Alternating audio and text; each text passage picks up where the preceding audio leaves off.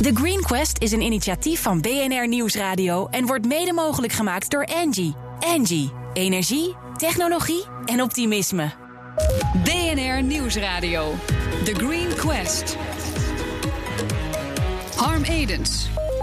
Hoe maken we een duurzame wereld? En welke innovaties in het bedrijfsleven dragen daar echt aan bij? Die zoeken wij elke week in de meest zinvolle zoektocht van Nederland, de Green Quest. We hebben het vandaag over meten en weten en groen doen. In deel 2 zal Alexander Groense, analist bij ABN AMRO... aan ons jurylid Milan Meijberg uitleggen... wat de meerwaarde is van hun nieuwe meetsysteem. Maar we beginnen een treetje hoger. Namelijk bij het bruto binnenlands product, het BBP. Dat is tot nu toe de belangrijkste maatstaf om te bepalen hoe goed het met ons land gaat. Maar een graadmeter voor welzijn, duurzaamheid en ongelijkheid in de samenleving is het niet. Rutger Hoekstra is milieueconoom. Hij verdiende zijn strepen onder andere bij het CBS en bij KPMG. En hij schreef het boek Replacing GDP by 2030.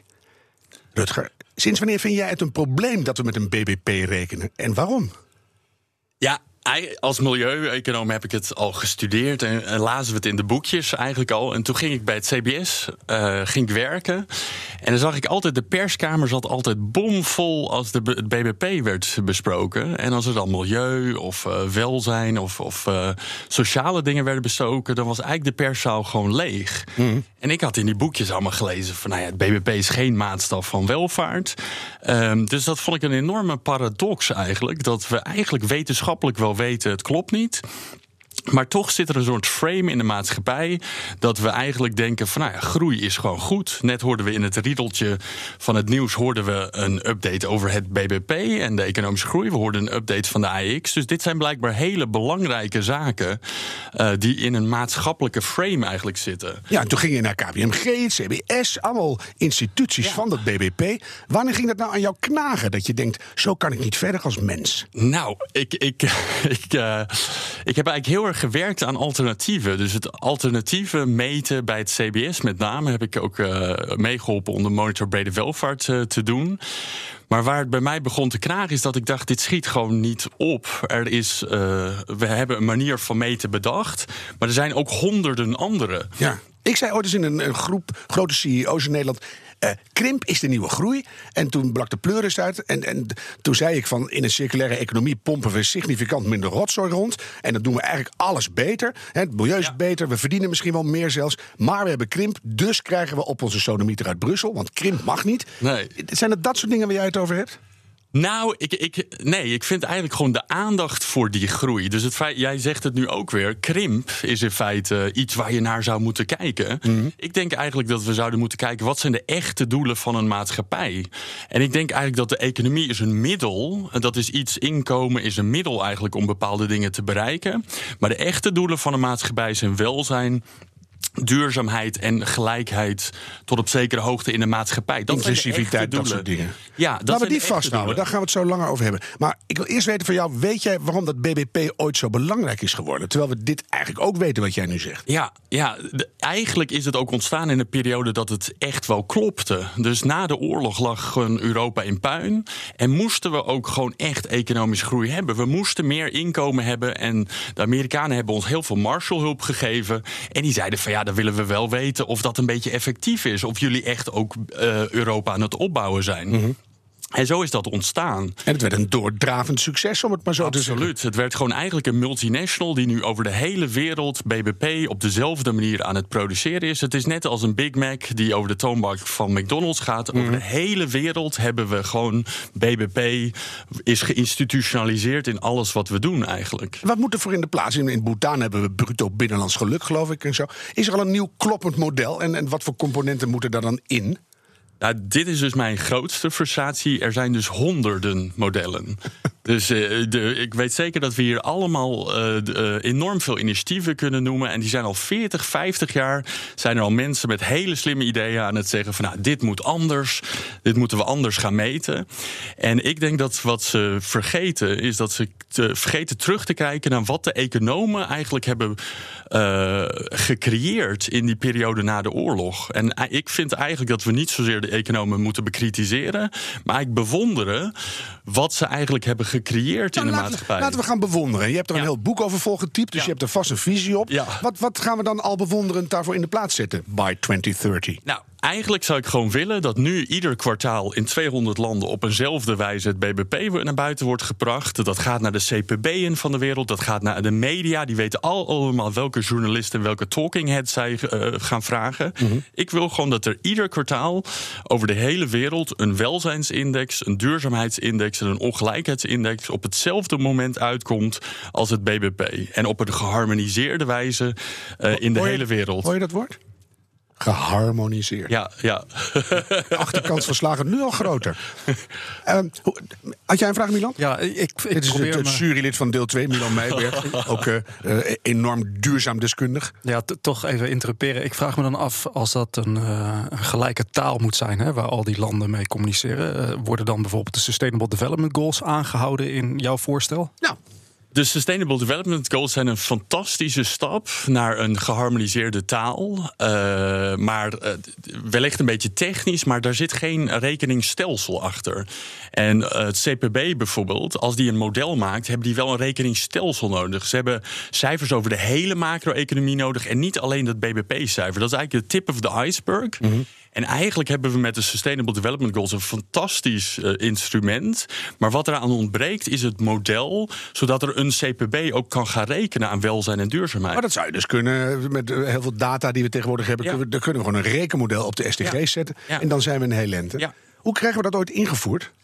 Ik denk gewoon, dat is mijn missie ook, om eh, gewoon de VN zover te krijgen dat ze aan eh, de- het SDG-programma daaraan koppelen dat het ook een stelsel wordt van rekeningen. Dus dat we ook net zo professioneel eigenlijk worden als de macro-economen. En daarin dus ook die messaging naar de maatschappij, dat gewoon ieder kwartaal welzijn, duurzaamheid en ongelijkheid ook eh, komt. En dat er bij redacties zoals hier ook dat jullie weten wie gaat daar in feite, wie gaat dat behandelen. Ja, hier, eh, wij weten- bijvoorbeeld. Ja. Nee, bijvoorbeeld. ik had vorige week een gesprek met iemand die zei: Ik ben ooit met de, de, de plasticproducenten in gesprek gegaan. En zei: Hoeveel winst heb je gemaakt vorig jaar? Zei ze: Nou, heel veel winst. En toen heb ik hem meegenomen naar de plastic soep. En zei Kijk, daar ligt je winst. Want Ja. het kost meer geld om Ja. het op te ruimen. Dus je had niet eens winst. Nee. Nou, dat, Nee. dat zijn die vergelijkingen die er dan uit gaan komen. Precies. En de- je wilt dat dat gewoon ook geïnstitutionaliseerder en, en krachtiger. Dus ik vind het ook een zwakte eigenlijk van onze tak van sport. Dat wij eigenlijk, wij messagen niet een consistent verhaal de hele tijd de wereld in. En Dat gaan we nu proberen. Daar, daarvoor sta jij hier. Ja. Nou zei je, dat BBP werd een succes na de Tweede Wereldoorlog. Alles lag in puin. Er was behoefte aan een model. Daar hebben we nu eigenlijk geen tijd meer voor, denk ik, tot de, de, de huidige systeem inkrakt. Nee. Dus eh, hoe gaan we dat doen? Nou, er zijn eh, geheime revoluties wel gaande. Dus hier bijvoorbeeld binnen Nederland is er eh, in de miljoenennota, die begon dit jaar met het kabinet streeft naar het vergroten van welvaart in brede zin. En dat was een zinnetje die nauwelijks in de pers is opgepikt, maar die denk ik enorm significant is, symbolisch ook. In feite werd er gezegd, er is meer dan economische groei en koopkracht. Dat was de eerste zin van de miljoenennota. Kijk, dat geeft de burger moed. En, En- stel nou dat we dat systeem op die stiekeme wijze erin krijgen. Want Ja. het, het heeft dan een enorme VN-lobby nodig. Frank Tim- Frans Timmermans zit klaar Ja. met eh, meneer Ja. Samsom aan zijn zijde. Dus we, we hebben de wind mee. Gaat het dan ook echt concrete dingen opleveren wat jou betreft? Gaat het de, de energie- en grondstoffentransitie versnellen? Ja, eh, dat is natuurlijk het idee dat als er ook gewoon aandacht voor is en dat mensen ook dat narrative horen, groei is niet altijd goed. Groei is soms goed en soms niet. En in feite moet je dat alternatieve verhaal van wanneer spreken we van goede groei en wanneer is er in feite sprake van een, een matige of een slechte groei, dat is waar het om gaat. En dan, dan kun je ook kijken wat gaat er slecht. En dat zijn die transities, eh, met name in de milieuzin, waar we aan moeten werken. En dan weet je ook van het ene model van het oude BBP... wat je in jouw nieuwe indexen Ja. vertaalt op een nieuwe manier... Ja. wat het gaat kosten of opleveren. Absoluut. Misschien ja. worden we wel rijker. Ik denk dat stiekem Dat zou zomaar kunnen. Je, je weet niet in feite wat het eind, maar het is gewoon niet het doel. Wat wordt jouw eerste stap naar vandaag om dit te bereiken? Ja, ik ben al bezig Rutger? met mijn contacten binnen de VN. En ik werk ook voor de Wereldbank. Dus ik heb gewoon contacten. En je merkt ook wel dat er dingen aan het verschuiven zijn. Mensen hebben toch.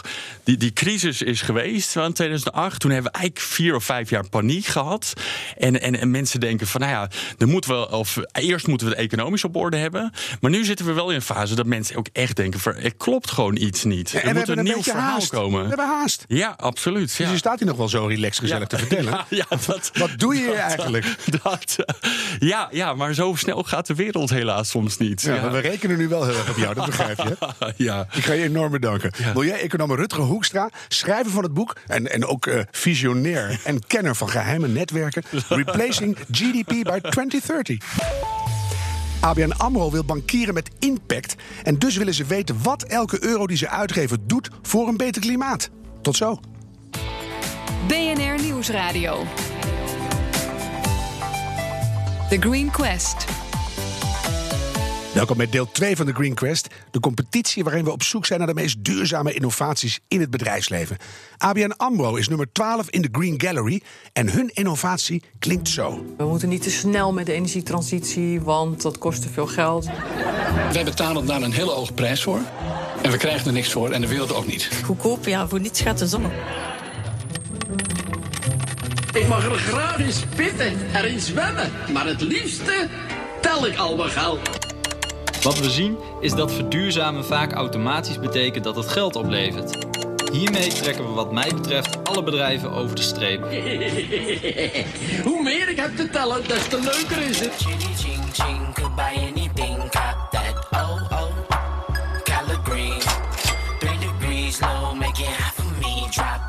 Ja, Alexander Groensen, sectoranalist industrie en energie van ABN AMRO. Zou jij aan duurzaamheidsstratege en jurylid Milan Meijberg willen uitleggen wat jullie innovatie is?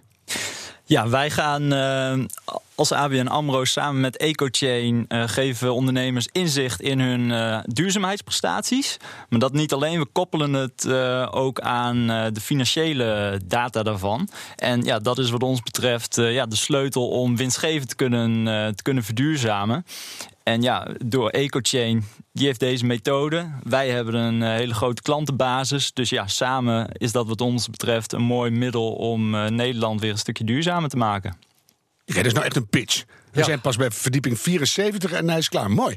Ja, Milan, jouw eerste reactie graag. Ja, mijn eerste reactie is eigenlijk heel simpel. Elk nieuw middel om verduurzaming te stimuleren grijp ik aan. Maar ik denk wel dat we heel kritisch moeten zijn hoe zo'n middel wordt ingezet en met welke intentie. Mm -hmm. Voor mij is het een beetje, ja, dit is een, een bank uh, met niet altijd de allerbeste track record, die nu een, uh, een duurzame innovatie doet om duurzaamheid winstgevend te maken. Dus ik vraag me dan een beetje af, ja, is dat gewoon niet eigenlijk business as usual? Uh, uh, om nog steeds gewoon veel geld te blijven verdienen. Ja. Voordat je antwoord geeft, Alexander, ik ben heel veel bij bedrijven. En die zitten wel altijd als argument te geven: we krijgen dit financieel niet rond. Dus dat geef ik je even mee. Maar dan ben ik benieuwd naar jouw reactie, Alexander. Ja, dat is een, uh, een goede vraag uh, allereerst. Maar ja, duurzaamheid, uh, ja, duurzaamheid enerzijds is ook hè, het groene, waar we het dan nu ook over, over hebben. Maar ander, anderzijds is duurzaamheid staat ook gewoon voor toekomstbestendigheid. Dus uiteindelijk, je hebt helemaal gelijk, we zijn een bank, we lenen, we lenen geld uit, er moet uiteindelijk geld verdiend worden. Belangrijk aspect is natuurlijk ook dat de leningen weer worden terugbetaald. En ja, daarvoor heb je in onze optiek ook echt duurzame bedrijven nodig. En dat is zowel duurzaamheid als toekomstbestendig, maar ook zeker uh, ja, duurzaamheid als groen. Zullen we dan in het verlengde van jouw vraag, Milan, dus wat dieper op dat uh, eco-chain uh, systeem ingaan? Want dan komen we er misschien achter of er ook fundamenteel iets verandert bij die bedrijven. En bij de ABN AMRO ook, denk ik. We hadden ze vorig jaar al in de Green Gallery. Alexander, kan je nog een keer kort uitleggen hoe het precies werkt? En ook met name, los van het dat jullie het dan aanbieden aan je klant... of ABN AMRO daar ook nog iets aan toevoegt? Ja, nou een belangrijke uh, toevoeging, ik zei het al, dat zijn ook onze klanten. Dus wij kunnen ook de selectie maken waarvan wij denken... goh, bij dit klanttype daar is waarschijnlijk veel verbeterpotentieel. Mm -hmm. Dus daar zetten we het in eerste instantie ook, ook in. Wat EcoChain vervolgens uh, uh, heel goed kan, is met hun methode, dat uh, is eigenlijk de levenscyclusanalyse. en dat maakt ja, precies inzichtelijk van ja, alle hulpmiddelen die eigenlijk nodig zijn om een bepaalde product of dienst in te zetten.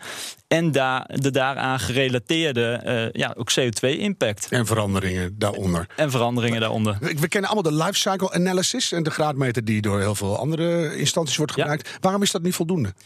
Nou, uh, we zien juist dat ook uh, uiteindelijk die uh, financiële component voor het bedrijfsleven ontzettend belangrijk is. Dus door zowel inzicht te geven in de duurzaamheidsgegevens en daar ook uh, daaraan die financiële gegevens te koppelen, ja, daarmee uh, merken we dat, uh, dat ondernemers eerder geneigd zijn om hier ook uh, mee aan de slag te gaan. Mm -hmm. En ja, wat, wat ik zelf wel uh, ook heel gaaf vind aan het, uh, aan het initiatief, is dat je dus de duurzaamheid, uh, ja, footprint van een bedrijf op heel, heel het bedrijfsniveau hebt. Ook pijnlijk zichtbaar maakt dan ineens. Precies, maar nog interessanter is in welke processen zit dat nou en uiteindelijk in welke producten. Ja. Zo, je kunt wel één heel duurzaam product hebben.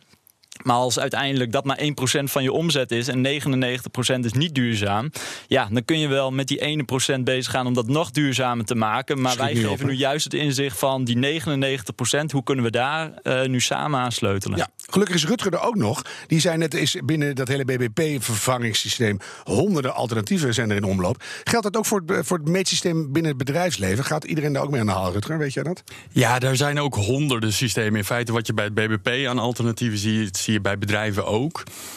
En wat ik, wat ik wel interessant zou vinden is, bieden jullie dit alleen maar aan grote bedrijven aan of ook aan MKB'ers en dergelijke dingen? Want je ziet best wel in het bedrijfsleven dat zelfs de grote bedrijven hebben al moeite om dit soort meetsystemen eigenlijk in de lucht te houden. Mm -hmm. En ik zou het wel mooi vinden als in feite dit soort uh, tools ook beschikbaar worden voor MKB'ers ja. en dat soort dingen. Ja, en dat doen we nu juist. Dus je ziet dat uh, grotere bedrijven die hebben vaak al zelf hele duurzaamheidsafdelingen die zelf ja. deze berekeningen ja. uitvoeren. We hebben in de, in de testfase hebben we afgelopen jaar met 10 echt MKB-bedrijven tussen de 5 miljoen omzet en de, en de 20 miljoen omzet hebben we dit, uh, hebben we dit getest. En ja, juist dit soort bedrijven geven je heel veel nieuwe inzichten mee. Ja. En nou is het hele principe achter EcoChain Database dat je dat met elkaar deelt, hè?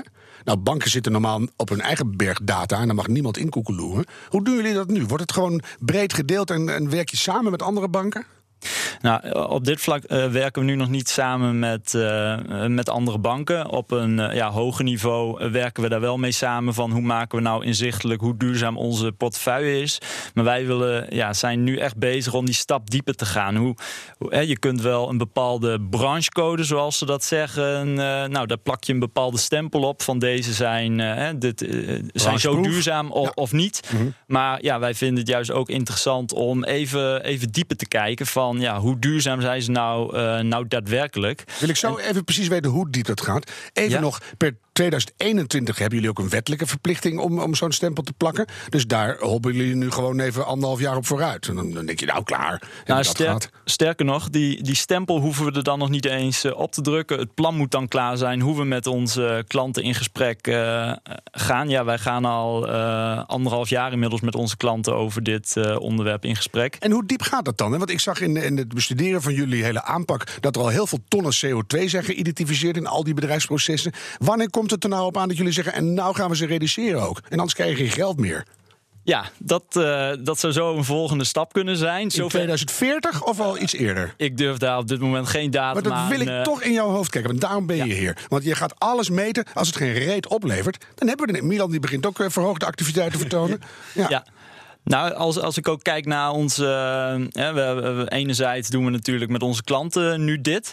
Hè, we, we, doen ook in onze eigen uh, aanpak. Bijvoorbeeld als je kijkt naar het uh, vastgoed, nou, missie 2030. Daarin lopen we ook voorop ten opzichte van wat hè, bij het klimaatakkoord wordt afgesproken. Dat houdt in dat in 2030 dat wij al ons eigen vastgoed en het vastgoed van onze klanten wat we financieren gemiddeld op label A willen hebben. Mm.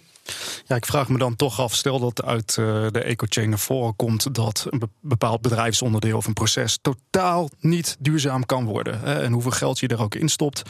Uh, zouden jullie dan als bank ook adviseren, stoot dat af? Dat en, kan En misschien niet. daarbij, worden jullie dan wat ruimhartiger naar start-ups en scale-ups, waarvan je denkt, die hebben we nodig in de toekomst, maar of het gaat werken, weet ik niet. Dus die twee dingen. Ja, uh, twee, heel verschillende, twee heel verschillende vragen. Twee kanten van dezelfde medaille.